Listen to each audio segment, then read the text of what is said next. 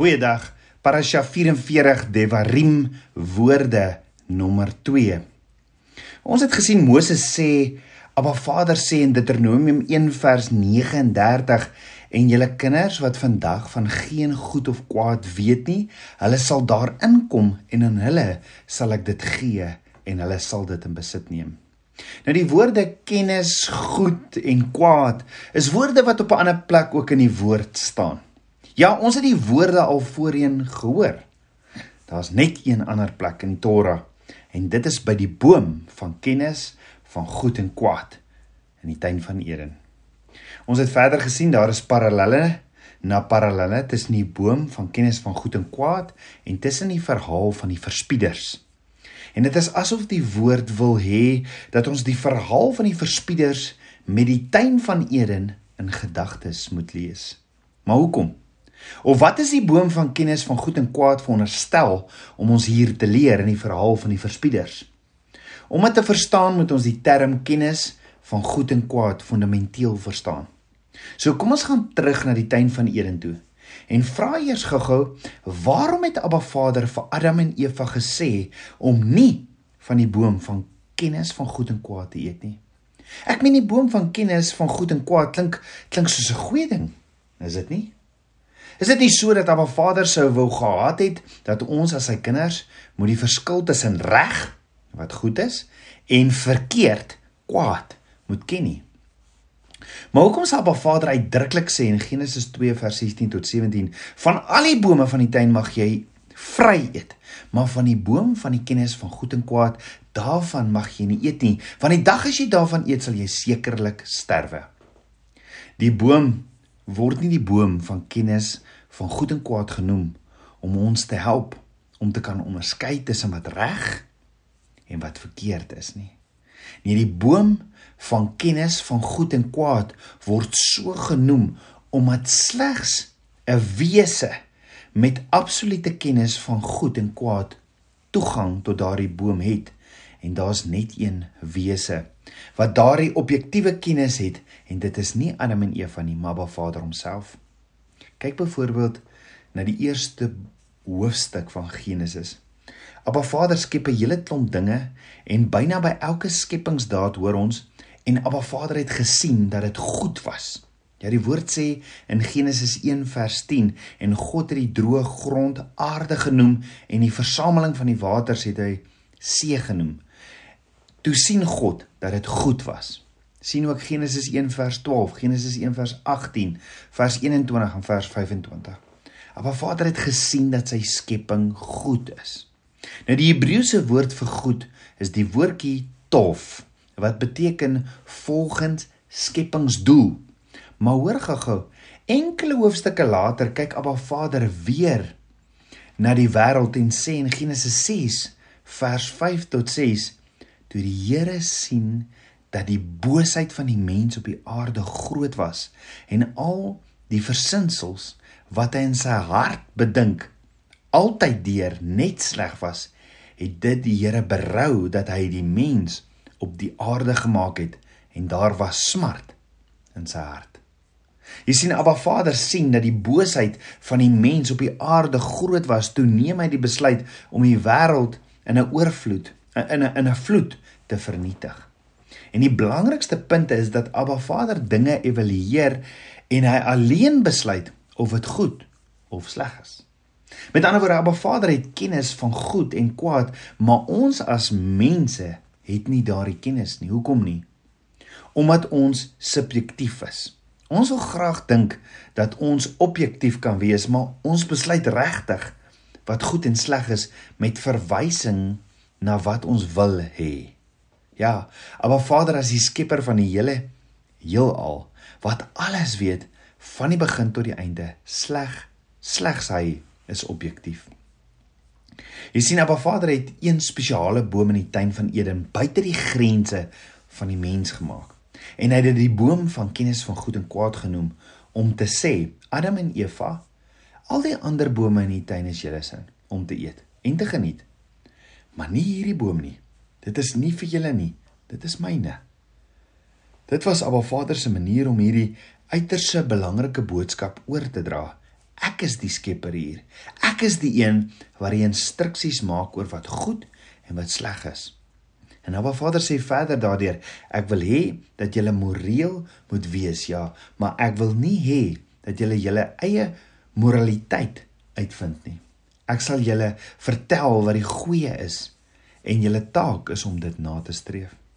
En toe Adam en Eva van die boom van kennis van goed en kwaad geëet het, het hulle Abba Vader se instruksies verwerp.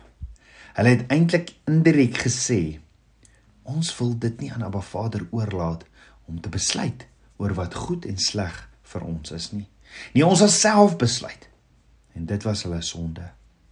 So terug by die verspieders. Is dit nie presies wat die verspieders verkeerd gedoen het nie? Abba Vader het vir kinders van Israel gesê wat goed is. Ek meen Abba Vader het gesê, ek sal neerdal en julle red uit Egipte op arensvlerke om aan julle uit hierdie land van slawerny te neem na 'n goeie land wat oorloop van melk en honing. Dit sê hy in Eksodus 3 vers 8. Abba Vader het die beloofde land Israel Eretz Tova genoem, 'n goeie land. En nou het die eerste vrygestelde slawe die kans om hierdie goeie land te sien. Maar hulle sien dit nie deur Abba Vader se oë nie. Nie hulle beskou dit deur hulle eie bevooroordeelde subjektiewe oë en kom tot die gevolgtrekking dat nee dit lyk so 'n moeilike plek om 'n woning van te maak. Nee dankie. Laat ons teruggaan na Egipte hulle maak dieselfde fout as wat Adam en Eva ook gemaak het en daaroor besluit Abba Vader toe as julle julleself nie in lyn kan bring met my definisie van die goeie nie kan julle nie op hierdie spesiale plek woon nie. En dit is asof Abba Vader vir die tweede keer die mens uit die tuin van Eden skop. So wie sou die land kon binnegaan? Die kinders. Ja, diegene wat nie die kennis van goed en kwaad gekies het nie, wat nie deelgeneem het aan hierdie verdraaiing van die kennis van goed en kwaad nie.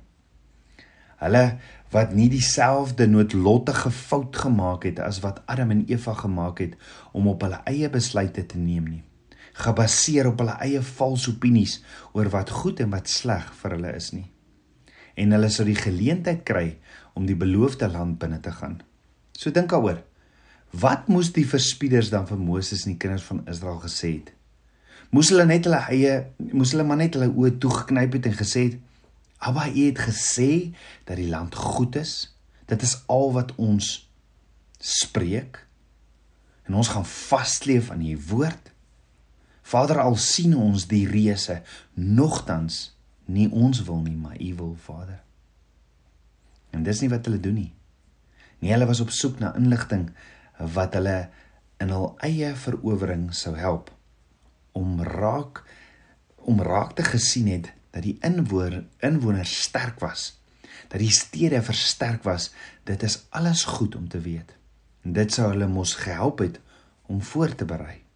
En ja, miskien het hulle bietjie geoordryf soos wat die mense mos maar doen, maar om te sien wat reg voor jou eie oë is vir beplanningsdoeleindes, dit is mos nie 'n sonde nie. Maar miskien was die probleem nie dat hulle kom vertel het dat die inwoners sterk was of dat die stede versterk was nie. Want ek meen, dit is net feite. En hulle vertel ons ook maar net wat hulle gesien het in die waarheid. Miskien was die eintlike probleem dat hulle dit op hulle self geneem het. Hulle het self besluit om 'n uitspraak te lewer wat gaan maak dat hulle nie gaan doen wat Abba Vader sê nie. Hulle het op grond van hulle feite eie opinie 'n uitspraak gelewer namens die kinders van Abba Vader en gesê: "As gevolg van al hierdie feite, daarom kan ons nie die land verower nie." 'n Oordeel wat direk weerspieël het wat Abba Vader hulle deurgangs beloof het dat hulle dit kon oorwin. Dat hy hulle dat hulle eintlik niks hoef te doen nie. Hy sou hulle oorwin. Hy sou die vyande oorwin. Dit was die sonde. Wat is sonde nou weer? Sonde is die oortreding van Abba Vader se woord, sy instruksies in Johannes 3 vers 4 en rebelsheid teen teenoor hom. Dit sien ons in Deuteronomium 9 vers 7 en Josua 1 vers 18. Hulle moes hulle self aan Abba Vader se oordeel en instruksies onderwerp het en hulle het nie. Wat hulle eintlik vir Abba Vader moes gesê het was: "Abba, U het vir ons gesê dat dit 'n goeie land is en dat ons dit kan verower. Ons sal eerlik wees en dit lyk nie vir ons so nie. Ons is bang. Maar Vader, alhoewel dit onmoontlik lyk, weet ons dat U ons vooruitgaan soos wat U ook gedoen het toe U ons kom haal het uit Egipte. Ons gaan U vertrou. Nogtans nie ons wil nie, maar U wil. Tabernakels kind van Abba. Ek sê ek sê nie moenie die foute ignoreer nie. Moenie moenie die twyfel en en en die bekommernisse van die tyd van ons lewe ignoreer nie, maar vra vir Abba Vader vir hulp. Gaan lê jou bekommernisse, jou berg of jou reus by sy voete en vertrou hom om te reageer op Abba Vader se woord. Want hy maak vir ons beloftes en hy sê al gaan ons waardeur ons gaan, hy sal altyd by ons wees. Maar ons as mens is ongeduldig en wil self die besluite maak en bestuur oorvat, is dit nie? Ons moet weet, daar's tye dat dit wat ek en jy dink goed of sleg is, nie ooreenstem met Abba Vader se goed of sleg nie. Daar's baie kere dinge wat ons doen en dan sê ons maar Vader, hy het vir my genoeg tekens gegee om voort te gaan met dit wat ek wil doen. Jy moet baie seker maak, baie baie seker maak want jou liggaam behoort nie aan jou waar jy die besluite gemaak nie. Yeshua het duur prys betaal. Jou liggaam behoort aan hom. So wat jy ook al aan jou liggaam doen, moet jy baie seker maak want dit is nie joune nie. Dit behoort aan Abba Vader. Jy sien al lyk sekere goed vir my en jou nie reg nie of gevaarlik en dit lyk nie na 'n goeie ding om te doen nie, beteken dit nie dis Abba Vader se goedkeuring nie. Net so, al lyk dinge so reg om te doen, beteken dit ook nie dit dra Abba Vader se goedkeuring weg nie. En Abba Vader sê ja. Sy ja, sy ja en sy nee, sy nee. En ons het nodig om nederig voor Abba Vader te gaan sit en te sê Vader, net U wil. Want ek kyk dalk met bevooroordeelde oë. Maar wat ook al U sê Vader, ek sal op U woord 'n ark bou.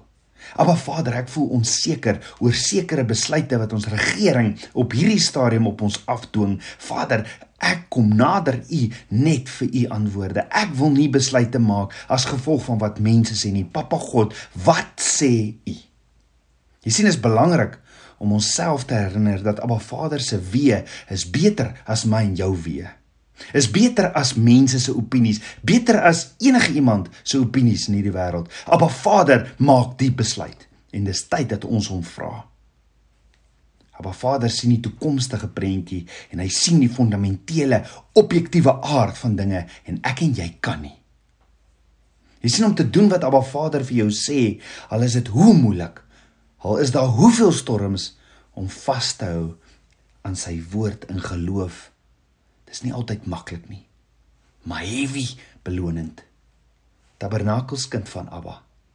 Al lyk dinge vir jou onmoontlik by Abba Vader, is niks onmoontlik nie.